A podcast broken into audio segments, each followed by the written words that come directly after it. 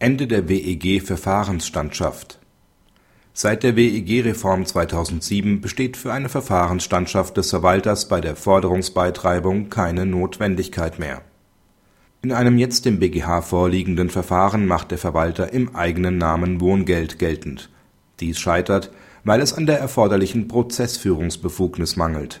Das für die gewillte Prozessstandschaft notwendige eigene Interesse des Verwalters ist durch die Rechtsfähigkeit des WEG-Verbandes nicht mehr ohne weiteres gegeben. Die Wohnungseigentümergemeinschaft kann ihre Forderungen als Verband selbst geltend machen. Der Verwalter muss für sie als Organ handeln.